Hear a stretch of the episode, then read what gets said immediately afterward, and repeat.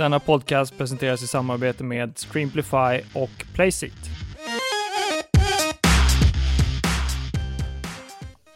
Ciao, Carlo Rosso och Benvenuto! Halloj! Hur mår ni? Oj. Oj, oj. Nummer 42, Italiens GP, eh, F1 Sverige podcast. Varmt välkomna. Eh, hej, hur är läget? Hur mår ni? Rebecka, Jonas, vem vill börja? Ta ja, det är bra. Det är bra. Det är, du vet, det är inte lika mycket måndag som förra gången i alla fall, nu när det är tisdag. Att, eh, det är lite, lite konstigt att köra, köra podden på en tisdag, men det finns ju anledningar för det som vi kommer få höra. Men eh, Mm. ja, hur mår Jonas? Guilty, guilty, guilty. Eh, jag mår jättebra. Um, haft en ganska lugn helg. Var ute och promenerade på Djurgården under helgens race. Jag har faktiskt inte sett det, men jag har st- studerat det via sociala medier och highlights och, och sådär i efterhand. Ehm, så det, jag var och promenerade med eh, Oskar Sten Larsson som var en del av mitt eh, gamla management när jag var aktiv och tävlade själv. Så det var kul att träffa honom. Inte träffa honom på länge. Kul ju. Mm. Um, roligt. Vi, är, vi, är, vi kör live som vanligt i F1 eh, Sverige eh, Facebookgruppen och så kör vi live också på våran eh, Sveriges Motorsport eh, Community YouTube. Så att eh, vi ser när ni kommenterar och när ni eh, reagerar, när ni rättar oss. Så vi i studion får våra, era kommentarer. Så att haka på och ställ frågor om det är någonting. Ehm, om vi klantar oss, om vi gör några roliga grejer så reagera och kommentera. Men stort tack till Placeit och Strimplify eh, och Out of Home för att ni sponsrar eh, och alla ni som är med och hänger i gruppen. Without further ado, ska vi, ska vi, ska vi, ska vi snacka lite Italiens Grand Prix? För det är väl det som det handlar om ikväll. Mm, ja. Hur, hur tyckte du att racet var, Martin? Ja, jag åkte ju ner på plats. Ehm, jag drog dit. eh, orsaken var att jag har varit tyst om det för att jag, eh, vi hade ju ett event i Facebookgruppen som var liksom svenska till Monza. För man, eh, man brukar snacka mycket om Monza för att, eh, eller så här, folk som pratar om vilket som är första bästa racet att åka till och om man är nybörjare eh, så tycker jag Monza är väldigt bra. För du får smaka på Tifosi och Ferrari och Formel 1 i The Temple of Speed som är en av liksom ur ursprungsbanorna.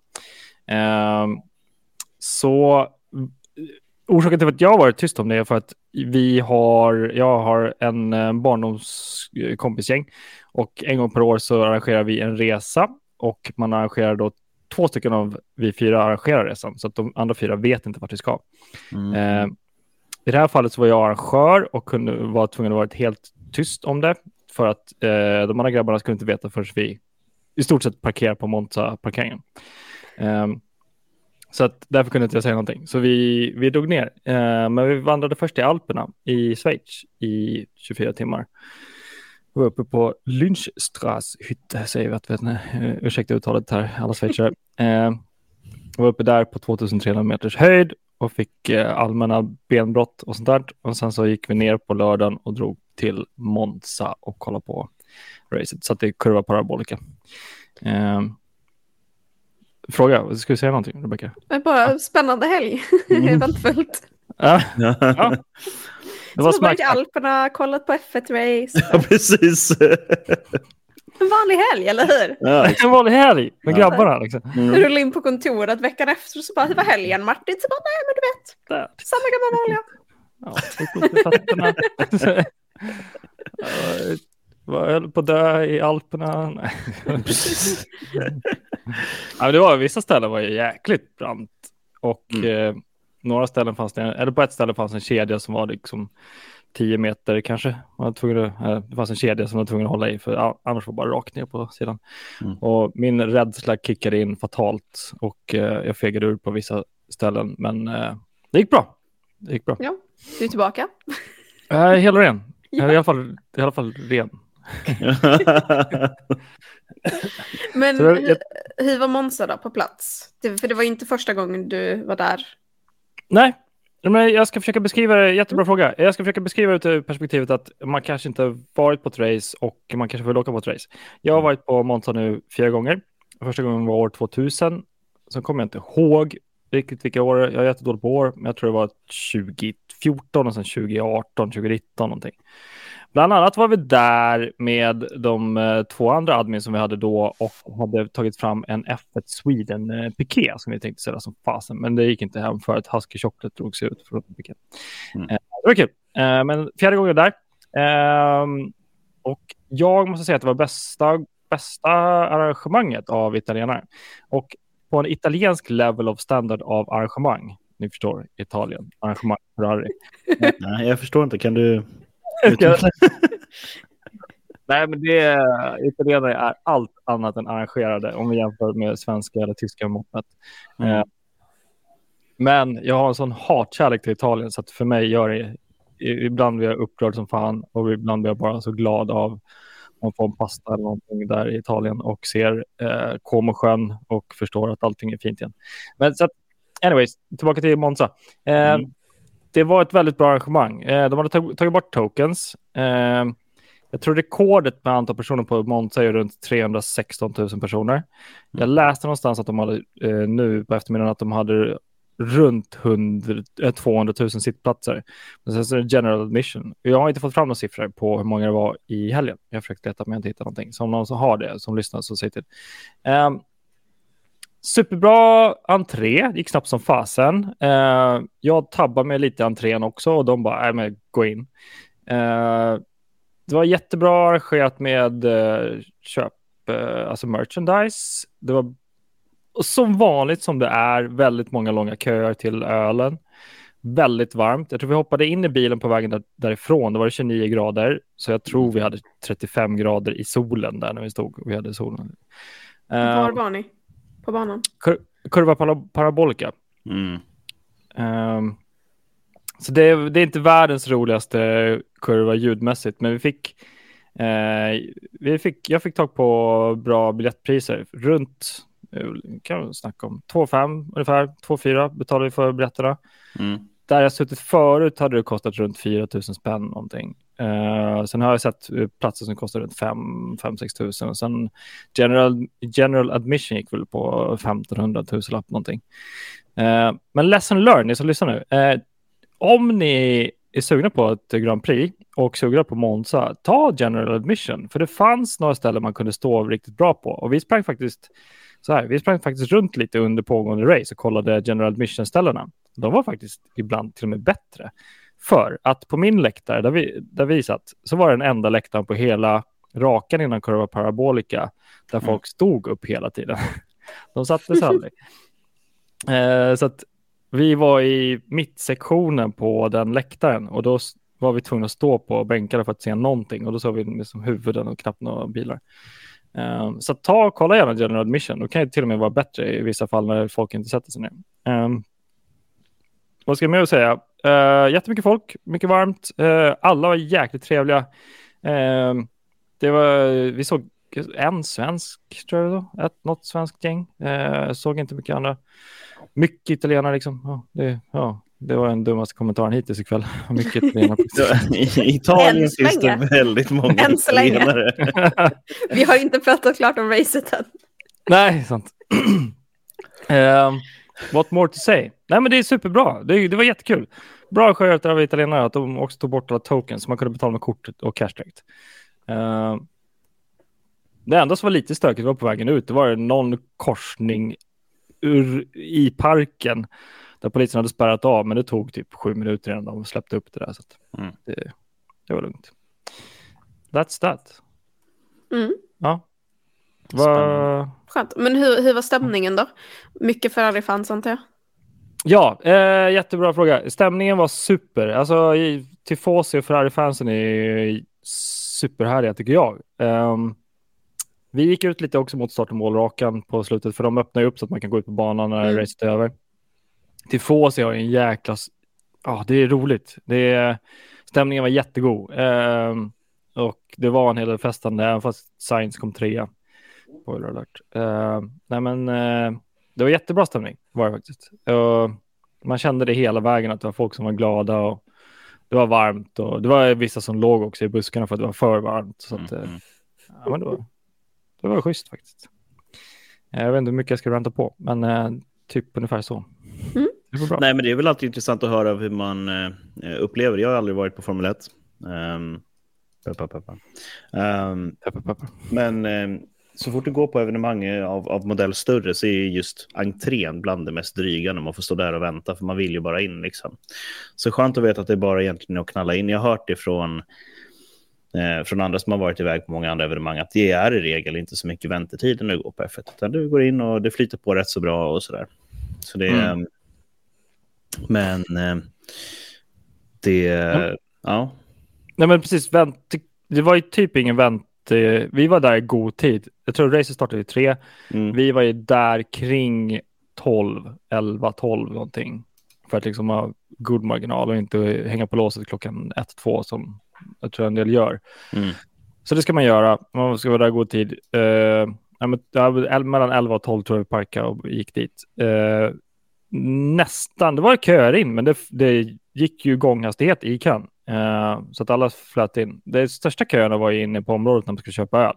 Mm. Då, då var det, ja, det var ju 20 minuters kö. Så eh, lesson learned, köp en kööl. En Kööl, ja. Ja, så att om det ska in, ska ni köpa en öl så köper ni alltid två. För att då kan ni liksom, ut, när ni kommit ut ur eh, kön så dricker ni den ölen. Sen så när ni har en öl kvar, då ställer ni i kön. Och så dricker ni den under tiden ni kan. Ja, ni fattar. Eh, Men alltså så, så är det ju alltid typ när man är någonstans och det är full kö. Då är det så här, "Ah, kan du beställa åt mig också? Ja, så har man så här 50 saker, ska man gå och så man tillbaka. Så är man klar med det man skulle ha så får man gå tillbaka igen. Mm, Mm. precis. Eh, nej, men det var, det var, jag märkte, det visst det var folk som finträngde sig, men ingen som så här fulträngde sig i köerna. Mm. Hur fintränger man sig? Ja, men det är lite så här, titta lite över axeln och man får så här, ja, men det är lucka där, jag tar den. Och så var det ingen som skrek. Och så, bara, "Åh." Jaha, okej, man bara smyger Ja. in sådär. Ja. Nej, men det var nej, men några som ställde sig, du vet, det- är en kö så här och så ställer sig någon på sidan av kön och hoppas på Mm. att få kunna flyta med. Liksom. Mm. Lite fin, fin trängning sådär, men det är ingen som armbågar sig fram, så det var ju bra. Inga så här orange army moments som man har hört om, att folk är elaka på läktaren eller sådär. Jag såg noll av det. Ehm, Jag såg knappt Orange Army alls, vilket var lite konstigt. Jag menar, det är rätt ballt att haka på Max om man är inne på sin 9-10 racewin. Men nu blev eh, det ju rekordat också. Exakt. Men jag, jag, jag är ändå förvånad över det för att jag har sett väldigt mycket orange, eller väldigt lite orange rök senaste racen. Ehm, det känns, jag, jag såg någon liten sån här gav efter racet när alla började gå mot, uh, mot start, start och målsträckan. Men annars under racen så ser man ju ingenting.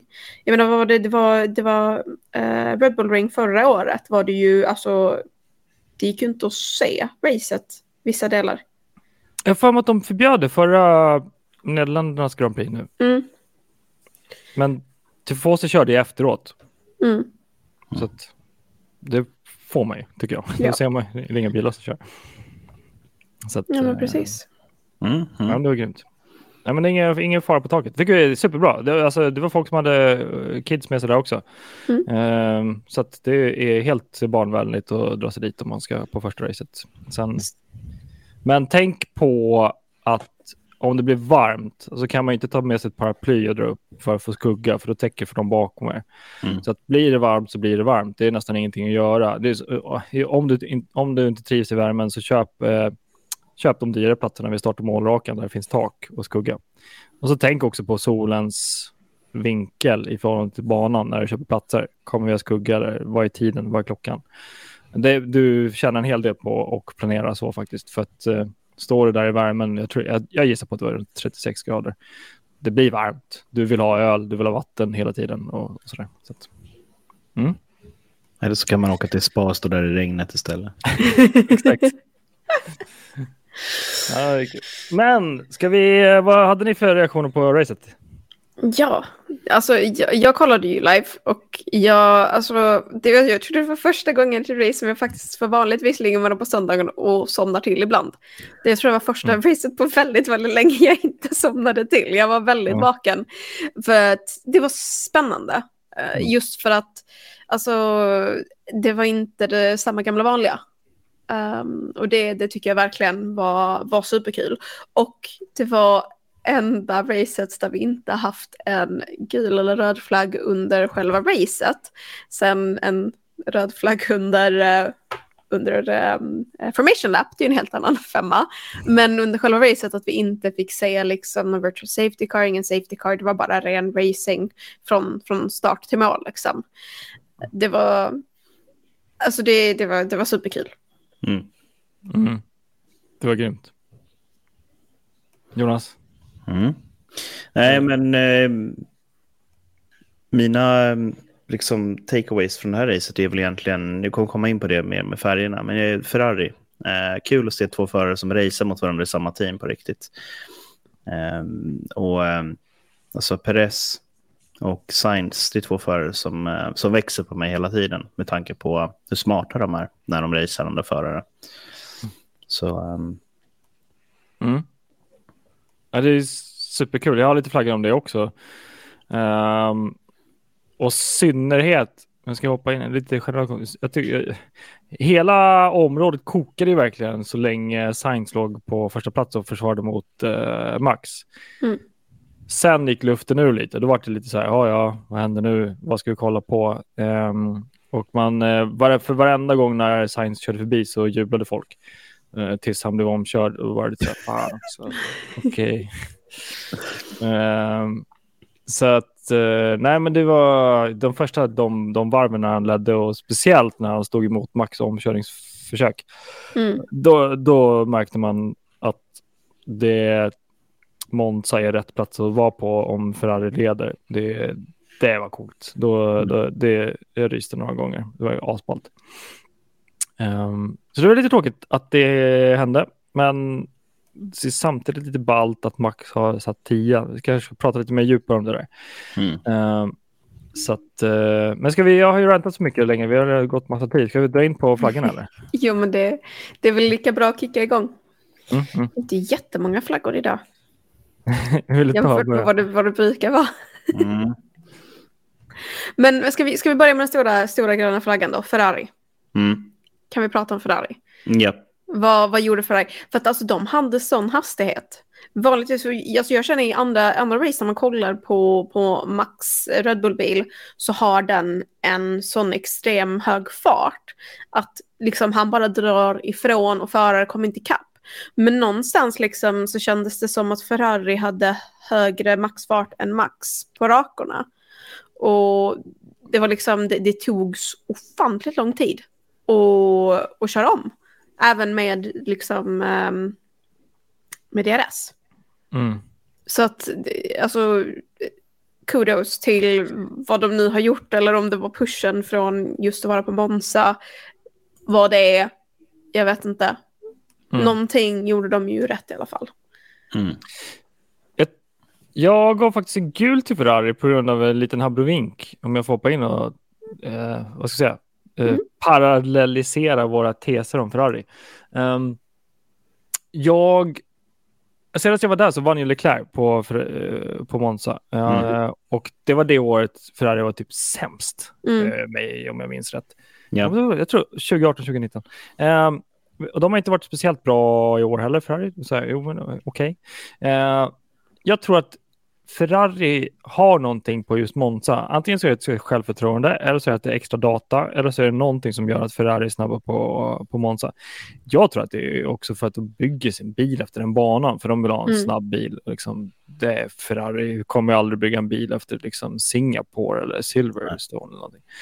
Så det är mycket nu det, att deras bil är designad efter Monza, den ska vara snabb där. Orsaken till att jag ger dem en guld är för att jag faktiskt tycker att de borde ha vunnit det här racet. Eh, de hade alla förutsättningar. Jag tror faktiskt de också var i många fall snabbare än Max Verstappen.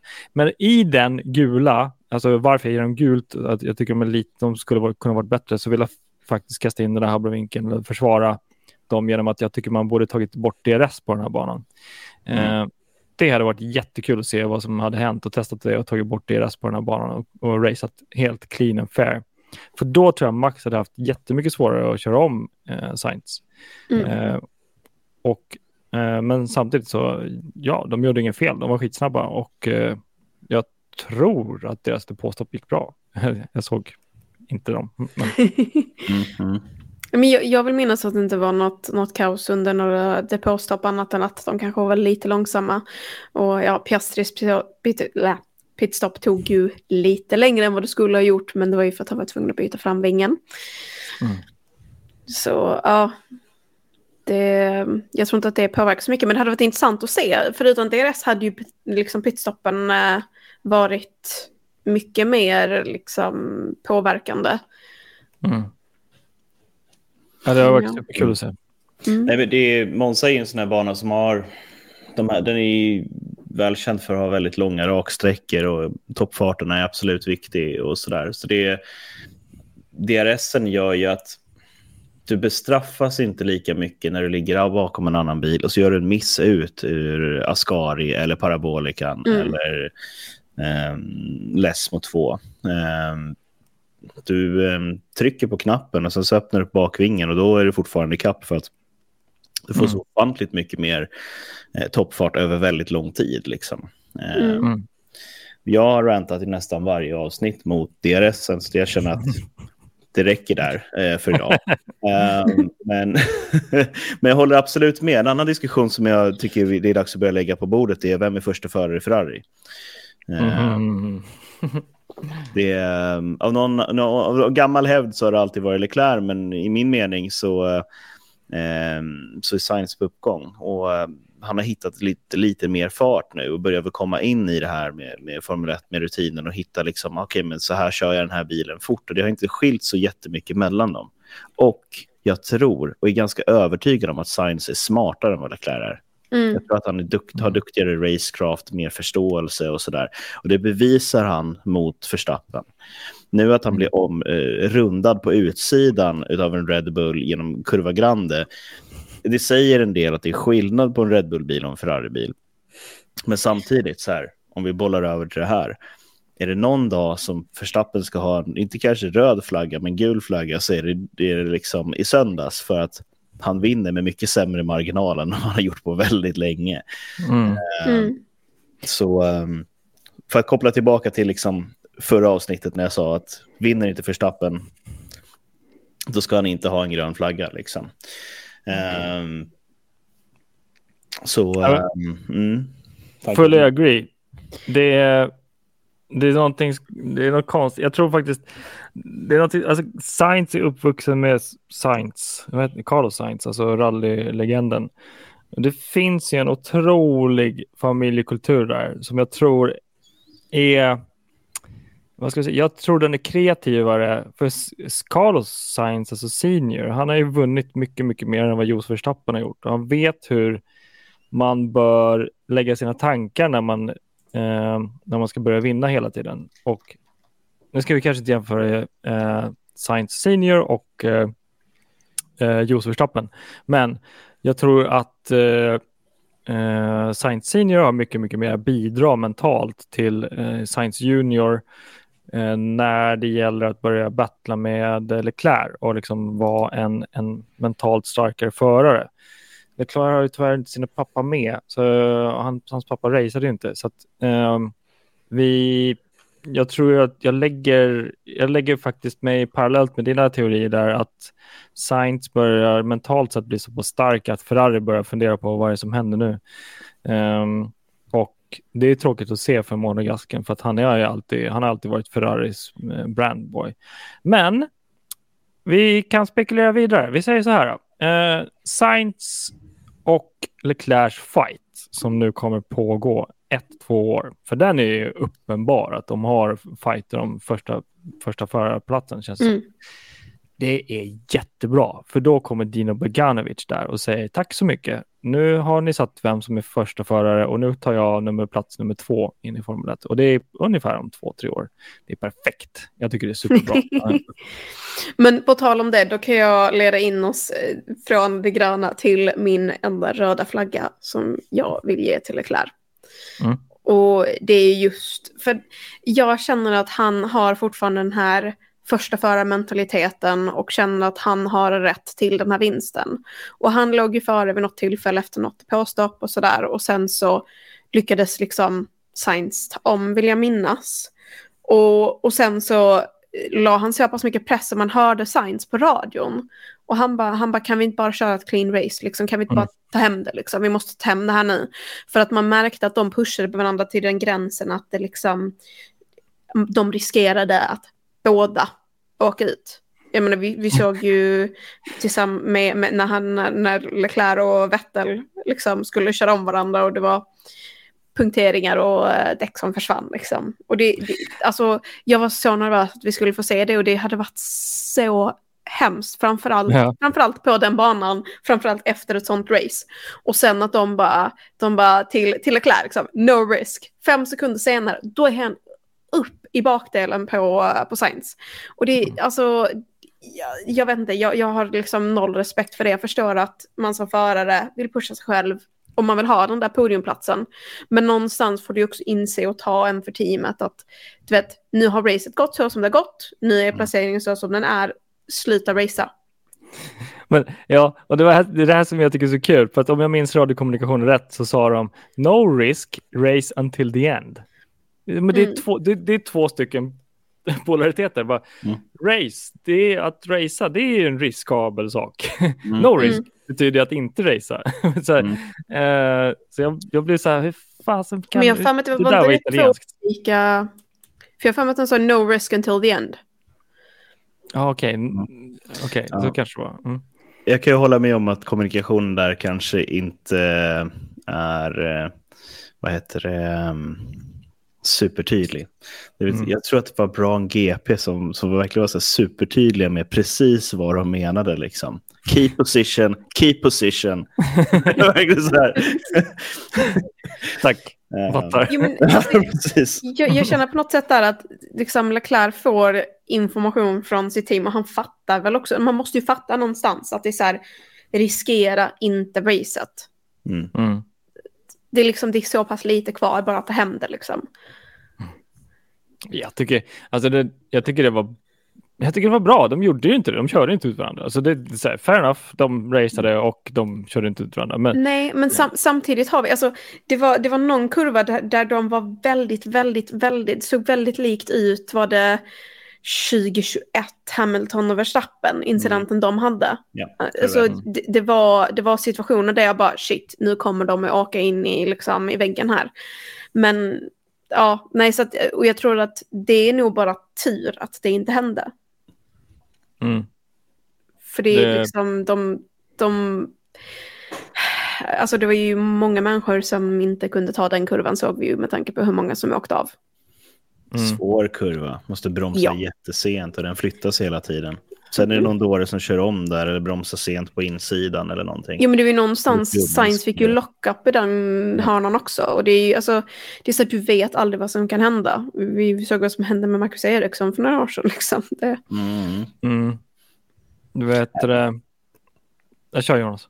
Nej, det är en knivig ku- kurva, absolut. Det är, det är just den här grejen som gör Monza till Monza. Att det är höga hastigheter och det är väl, du ska ner väldigt, väldigt lågt i hastigheter helt plötsligt. Och just den här grejen med att du bromsar 20 meter senare eller 5 meter senare i, i 300 blås, det, det gör så otroligt mycket på de sista metrarna sen när du ska in. För att jag menar, om du tittar på, på liksom apex på kurvan där du ska träffa och sen så har du bromsat två meter för sent, då är du två meter ifrån apex. Liksom Mm. eh, just i den där kurvan. För att jag menar, där handlar det ju om att försöka offra den första så mycket som möjligt och hamna i rätt positionering in i den andra.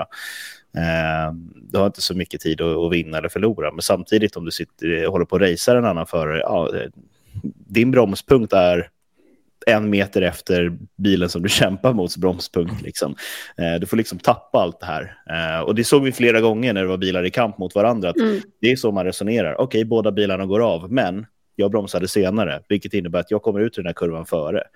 Nu får ni rätta mig om jag har fel, men det delades inte ut så mycket bestraffningar på de situationerna. Nej, Uh, vilket var- jag tycker är... det var bara Hamilton som fick...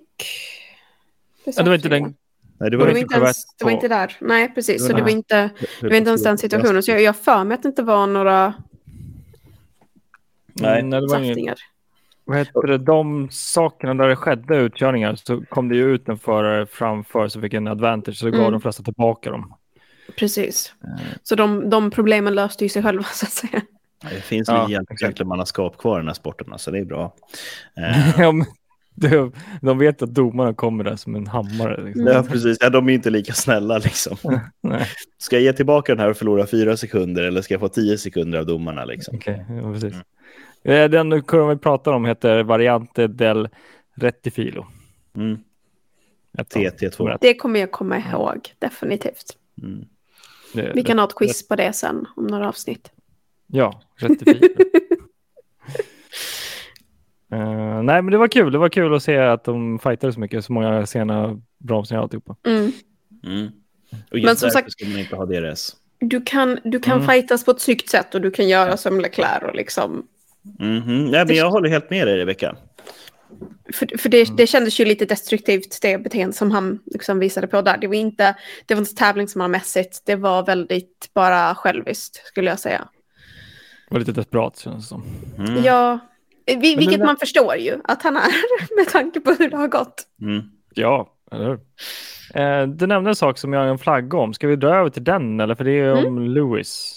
Yes. Eh, där får ju, alltså det blir ju en gul flagg för att eh, Lewis gjorde fel. Eh, men jag tyckte annars den omkörningsincidenten eller försöket var otroligt spännande. Eh, det hade kunnat gått om inte, jag antar att de kollar på Lewis rattutslag och eh, konstaterade att det var Lewis som flyttade sig under inbromsning mot, eh, ska säga, Piastri. Piastri. Har jag rätt? Ja. Piastri.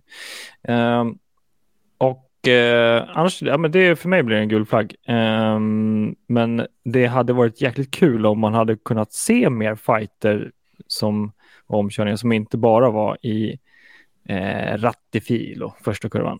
Mm. Utan mer i kurva grande och alltihopa. Parabolika. Sen så på, på, apropå det, vi hade jättemånga omkörningar som var lite konstiga avkörningar. Eh, och eh, ja, Lewis och Leclerc sa inte alltihopa. Men vi hade ingen röd flagg.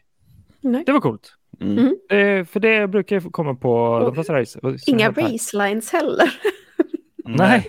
Men det, det, det här det är ju min nästa diskussion. Det här är inte en Tilke-bana. Det här är inte liksom en...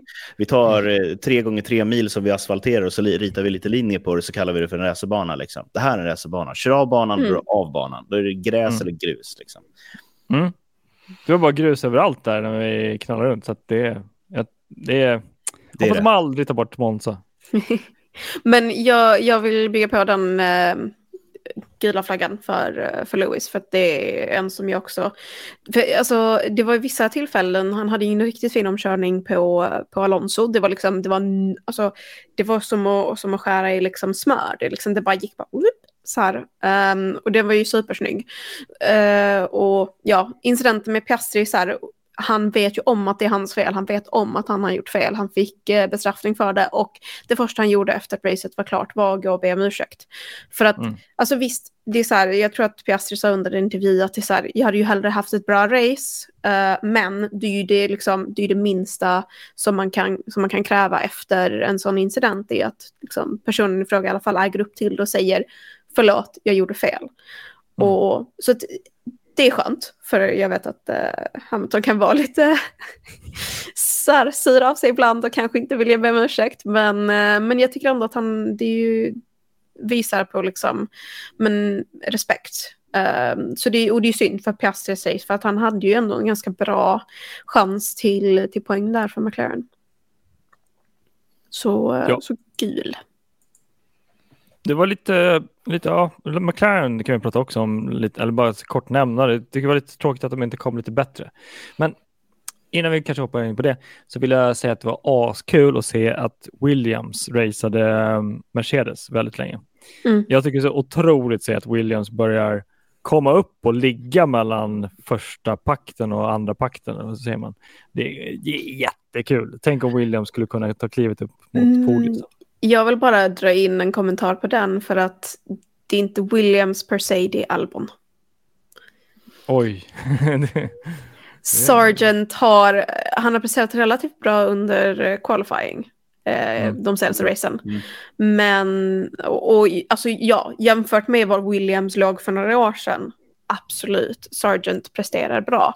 Men alltså i, i, i Williams, om, om det finns någonstans så ska finnas en första och andra förare, då tror jag Ja. definitivt att Albon tar det för, för Williams för att han tar verkligen hem det för dem. Eh, Mm. Visst, Williams gör bra från sig, men jag skulle vilja säga att det är Albons förtjänst eh, mer än... Mm.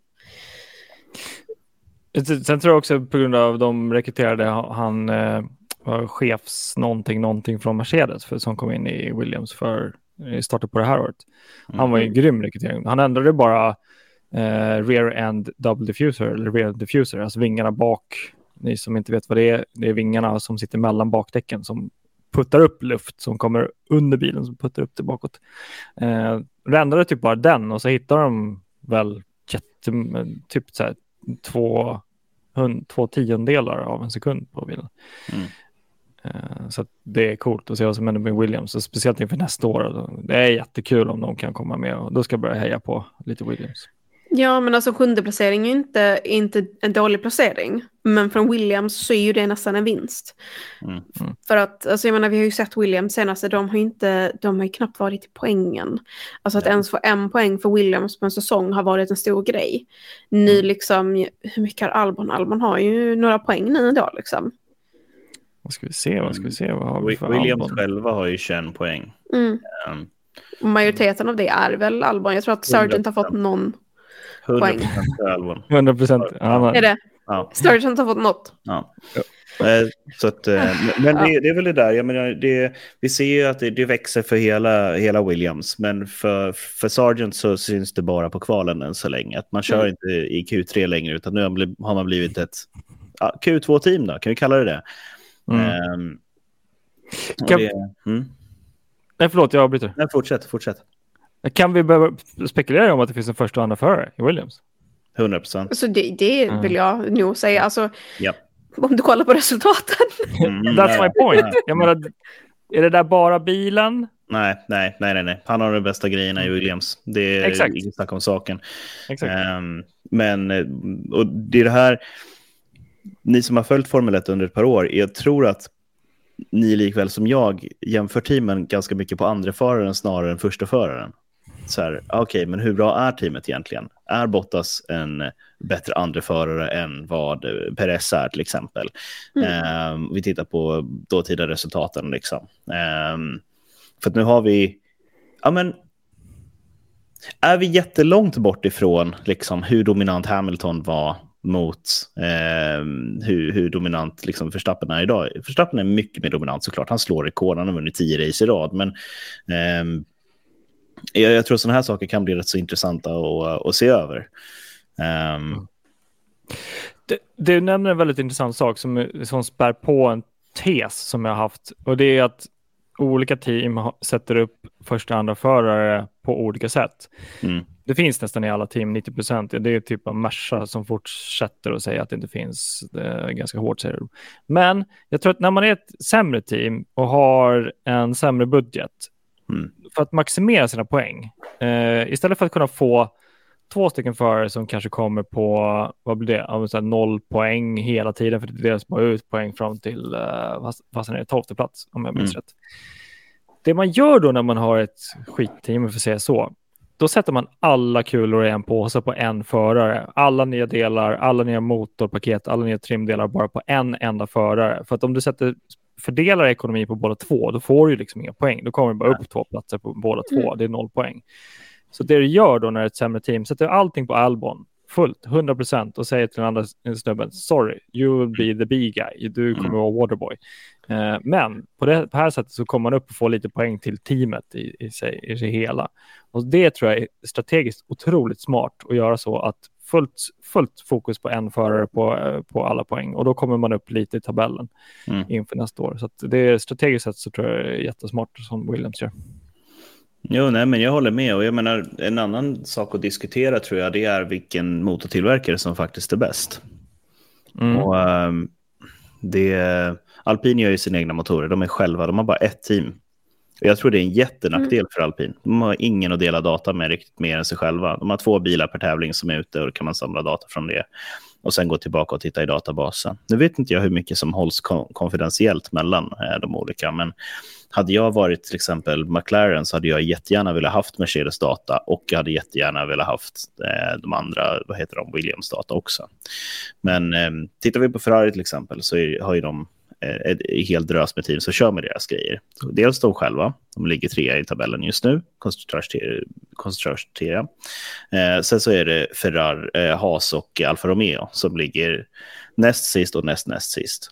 Um, har de bra motorer? Får de ut någon data överhuvudtaget från Alfa Romeo och Haas som de kan ha nytta av? Jag tror inte det. Tittar vi på Red Bull så har de eh, ett annat team som kör med deras grejer och det är Alfa Tauri som är överlägset sämst den här säsongen. Får de ut någonting av det? Nå, nej.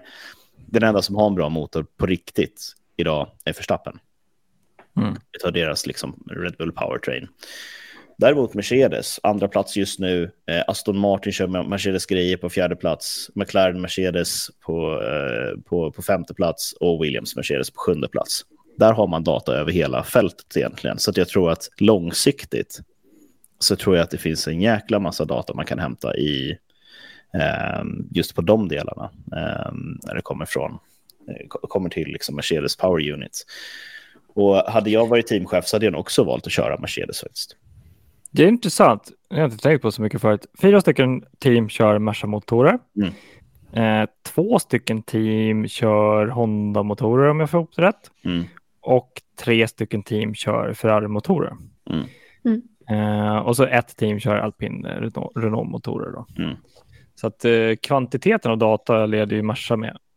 Mm. Ja, men sen, sen, kan man ju verkligen liksom peka på att ja, men det är andra anledningar som gör att Ferrari är så mycket starkare än vad Haas är. Men mm. jag hade ju känt som, som Ferrari-kund om jag hade suttit hos Haas att nu har jag ju fått liksom, inte B-sortering, utan jag har fått liksom F-sorteringen liksom ifrån Ferrari. Liksom. Eh, sen sitter de och trycker på resten av motorerna själva som reservmotorer. Ungefär så hade jag känt. Och hade jag mm. varit eh, Honda-förare så hade jag ju känt liksom så här, Jaha, ja, men nu har Förstappen 20 motorer här och så Perez har, har de andra 10 som efter där och sen så har de 10 extra reserv på fabriken och sen så kanske eventuellt de motorerna som behöver renoveras, de får vi i Alfa Tauri. Liksom.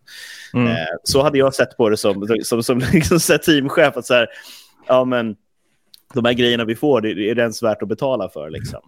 Men däremot om man sitter så som McLaren så bara, ja men Aston Martin har ju fått bra grejer liksom, och vi har ju hyfsade grejer. Så man kan inte klaga så mycket på motorleverantören där riktigt. Eh, så, så här, tittar man på, ja men vi kvalar en och en halv tiondel sämre än, än Mercedes, bara, ja, ja men det är säkert någonting som vi gör fel. Liksom.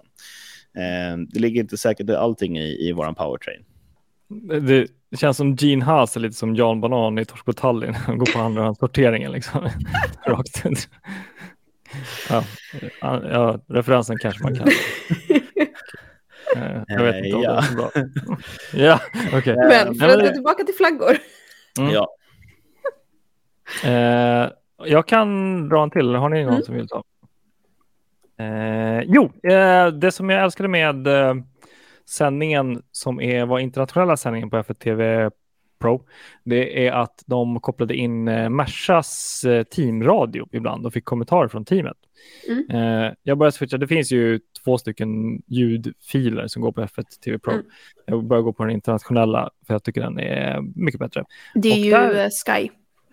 Sky, tack. Um, och där var det jätteballt. De hade något skroll, skor, skorrande ljud från eh, någon person i Merca-teamet som förklarade eh, under pågående race hur de såg på strategin för Lewis. Eh, jag bara, coolt. Eh, så han bara, ja, eh, de här däcken, jag tror det var varv 20 någonting, 30. Så bara, ja, de här däcken, eh, bla bla bla, så här och vi siktar på att de ska hålla ungefär 16 varv bara, åh, coolt. Det där är liksom sånt som man vill se och höra. För det var ju någon gång efter för, för, förra racet på Nederländernas Grand Prix, de släppte teamradio som var väldigt kompilerat liksom och kom, komprimerat eh, teamradio eh, från respektive team, från olika team, eh, från olika delar av racet. Och det var asballt att lyssna på hur teamen resonerade med sina förare liksom rakt ut. Mm. Sånt där skulle vi se jättemycket mer av. En, Ja, förlåt. Det, det jag tyckte var superintressant också för de pratade ju i, i den här hur ska man pausen som vi fick av Tsunoda. Tsunoda sponsored paus. Um, mm. Så pratade de ju faktiskt med, med honom också och uh, just det här med att han hade de hårda däcken. Och mm. just den här väntan på starten, hur, hur jämfört med medium, uh, hur de skulle liksom vara sen när man väl kom igång igen, om mekanikerna ens fick komma tillbaka eller ingenjörerna fick komma ut på banan eller ut på liksom, startfältet igen. Och det var ju lite halvkaos där och det, det tycker jag var superintressant också just att de, alltså för, för Hamilton hade de ju en helt annan strategi än vad, mm. Eh, liksom helt motsatt från vad alla andra team körde. Vilket mm. var intressant. Det var väl något annat, jag tror att någon av Haas-bilarna, kanske båda, hade hård också. Mm. Men det var väl inget som man liksom märkte av så att säga. Men just med Hamilton fick man ju, märkte man ju av det ganska fort. Mm, jag kan köra lite alternativ på honom. En sak som jag glömde nämna angående att recensera Monza som att gå på ett Grand Prix på Monza. Eh, jag har varit där många gånger förut. Och när man sitter där, det ska jag vara helt ärlig med, det enda, när jag sitter på läktaren så ser jag en bil, en bil, och sen har du italienska kommentatorer i högtalaren som scrollar så du får skoll, skollrar. Så du får ju typ ont i huvudet. Eh, sen har du en storbildsskärm där du ser liksom kan, vad som händer. Det man vill ha på ett, eh, på ett race är en öronsnäcka i, i örat och koppla upp till sin egen mobil det hade funkat om det fanns lite data, om man hade tänkt skalbart när det kommer 300 000 pers dit. Mm. Så det kan vara bra att veta att eh, räkna aldrig med att du ska kunna lägga upp något på Instagram eller att du ska kunna lyssna på, på racet i mobilen medan du kollar, för det hade varit jättebra. Eh, så det skulle kunna Måns arrangera bättre, bara skala upp 5G typ 300 eh, gånger när, när det kommer folk dit. Så det, men om man är på ett race i framtiden och kan göra det, det kanske det finns lite bättre kapacitet på olika banor. Eh, så ta med en eh, mobil och en powerbank. Powerbank får man inte ta med på området. Eh, mm. Och ta med så att ni kan koppla upp och lyssna på racet i en hörsnäcka. Det bidrar jättemycket, för då kan man höra lite vad som händer. Mm. Um, men that's that. Jag tror tillbaka till, har vi några mer flaggor? Jo. Jag har en grön till Peres. Mm. Jag tycker att, alltså, han har ju presterat bra senaste racen, men det har alltid varit någonting som liksom har legat i vägen lite grann. Och nu känner jag att, du vet, men, kampen var först att du vet, Max skulle ta sig om Sainz. Sen så ligger um, Perez fyra med två Ferrari-bilar framför sig och har liksom hela den med att man, just det här, man vet att Max kommer att dra ifrån nu, Max kommer bygga upp en, liksom, en lucka däremellan och sen så måste man ta sig om de här Ferrari-bilarna för att ens kunna försöka hänga med på var liksom Max ska och prestera också för laget att få en eh, första och andra placering eventuellt i alla fall ett podium. Liksom. Men att de ändå lyckas få den här första andra placeringen. Det gör ju också att de drar iväg mycket mer i Constructors. Jag för mig att de kan vinna i Singapore nu. Uh, förutsatt att uh, det blir en 1-2 igen. Mm. Men jag är lite osäker. Jag för mig att, och att typ Max kunde vinna först i Japan. Men, eh, men ja, så att inom de närmsta racen kommer ju sakerna att avgöras före för Red Bull. Men som sagt, eh, Perez tyckte jag att han, men alltså han, han kom om, jag tycker att han kom om ganska mycket fortare än vad, eh, vad Max gjorde. Nu tror jag att Max har brutit ner Ferrari-bilarna lite grann kanske sådär. Men man märker också att det, det är någonting i Red Bull-bilen som även Perez kan ta fram. jag tror att det finns väl en viss skillnad i, eh, i racecraft där också. Max är en duktig chaufför, men eh, Perez är exceptionell när det kommer till att läsa andra förare, lura andra förare och sådär. Eh, det är därför, inte bara därför, men det är en av anledningarna till att han är i Formel 1 och är en av världens bästa förare. Mm. Det, han är erfaren och i det stora hela så är jag väldigt glad att han hamnade i, i Red Bull där han hamnade, för att han har haft en kämpig karriär fram tills nu. Ja, så där var ju en stor säkerhet om han skulle vara kvar i F1. Mm. Att eh, Red Bull lyckades snappa upp honom var ju hur fint mm. som helst. Mm. Och det är det här som är det speciella med den här sporten, att det är så här, din individuella kompetens kan liksom dölja så mycket beroende på vilket material du sitter i. Mm. Och eh, framförallt vilket team du har runt omkring dig. För att jag menar, är du i ett läge på, på förarmarknaden där du inte kan välja vilket team du hamnar i. Det är liksom så här, precis som att vara på arbetsmarknaden. Jag söker alla jobb och så, så får man det man får och så får man jobba med dem man får jobba med. Liksom. Mm. Um, istället för att gå dit och känna, ja ah, men jag, jag vibar med det här gänget. Det här, han är ingenjören jag, vi verkligen förstår varandra. Liksom. Ja men då så. Mm. Uh, sen så sitter du kanske i ett annat läge om du kör för, uh, för Red Bull och du har eh, respekten där inne och säga att den här ingenjören jag, vi kommer inte överens, har ni någon annan till mig? Gör det Alfa Tauri, då får du köra Formel 2 eller någonting istället. Liksom. Mm. Det finns liksom så lite krav du kan ställa som förare känns det som i, F1, men ändå borde du ha så mycket mandat att göra det. Eh, för att du, det, det, det, där är ju väldigt intressant, det kanske glider in lite på min värld, att ha eh, du har ansvar för resultatet, men du har inte mandat att sköta hur det skapas. Uh, mm. fullt, fullt och helt. du, alltså, du, har ju, du har inte mandat att styra vilka du anställer. Um, men du är ansvarig för, för resultatet på ett annat, helt annat sätt. Så det, Nej, men jag, jag tror att det, det har jättemycket att göra med vem du är och i vilket läge. Hamilton som nybliven världsmästare och Mercedes är överlägsna. Jag, jag, tror att han kan pick and choose ganska mycket. Jag tror att om Max vill köra orangea bilar nästa år och verkligen, verkligen vill det och det spelar roll för honom så kommer Red Bull köra orangea bilar. Mm. Ja, men det, det märker vi. Jag tror att uh, hans hjälm ny i Monza var ju faktiskt en sak som Red Bull gick med på även fast de egentligen inte brukar gå med på det för att det var en design som gjorde att deras logga hamnade på ett annat ställe än vad de vill ha den. Mm. Um, så man märker ju det att är du, är du en rekordbidragande förare så, så får du som du vill. Ja. Mm. Har, alltså, jag har funderat på det. Finns, det finns väl inget, jag har inte kollat upp det, men om Red Bull vinner hela säsongen, är inte det ett rekord i sig? Ja, finns det något team som har vunnit? Ja, men alltså, finns det något team som har vunnit som har en, liksom, för Perez har vunnit två race och Max har vunnit resten. Finns det någon annan säsong där ett team har vunnit alla race? Jag funderar på McLaren 84, men det, jag, jag vill känna att det, det, har inte, det har inte riktigt funnits någon sån här eh, rå liksom köra över... Eh, köra över alla. Nej men precis, för jag menar, ni, för de har ju haft en förare på podiumet, minst en förare på podiumet, alla race. Mm. Alltid någon av deras förare som har varit och vunnit.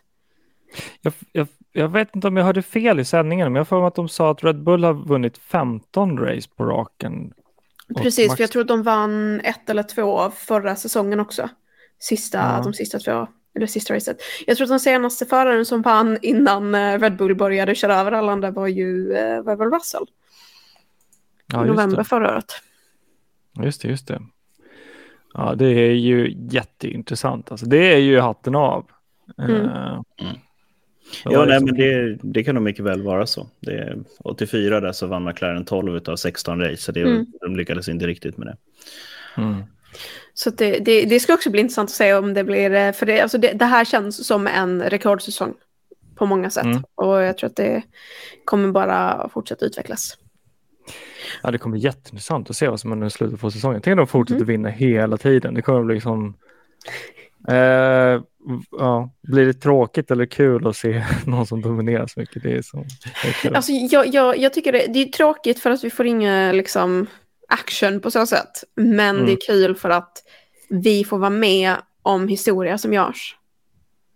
För det här kommer vara en del av F1-historien liksom, liksom, även efter våra liv är över. Liksom. Det, det, det, mm. Vi får vara här och, och, se det, även om det inte är kul underhållningsmässigt så är det ändå kul att få vara en del av att se historia skapas.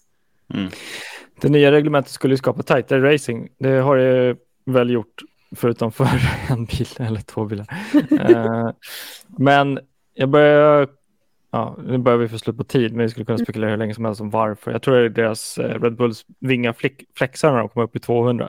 De lägger sig, de lägger sig platt. Och, Nej, men jag, jag, tror de får hela bilen att ståla. Eh, det är jätteintressant. Jag hörde några spekulationer om det där på Twitter. Eh, mm. för, för, man kan inte riktigt mäta hur en vinge agerar i 200 km i timmen. Mm. I I en, det är jättesvårt att mäta. Eh, du gör inte det genom att sätta en vikt på den och du kan inte riktigt placera den i en vindtunnel för du har inte liksom exakt, samma, exakt samma hantering av materialet när du kör i en annan modell på den, så du kan inte riktigt mäta det. Um, anyways, mm. ja, det är djupt henne. Sista, uh, sista grönflagga. Kör. Larsson. Mm, ja.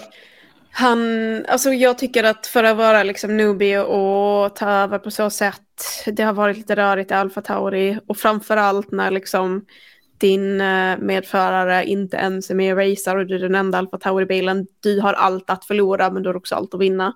Och jag tycker att även fast han inte lyckades placera så, eh, alltså i alla fall alltså poängmässigt. Mm, mm, mm. Um, så för att liksom, det här är hans andra, andra race, ja. Och dessutom första torra race. Um, så ja, bra jobbat och ser fram emot att se mer av vad han har att ge.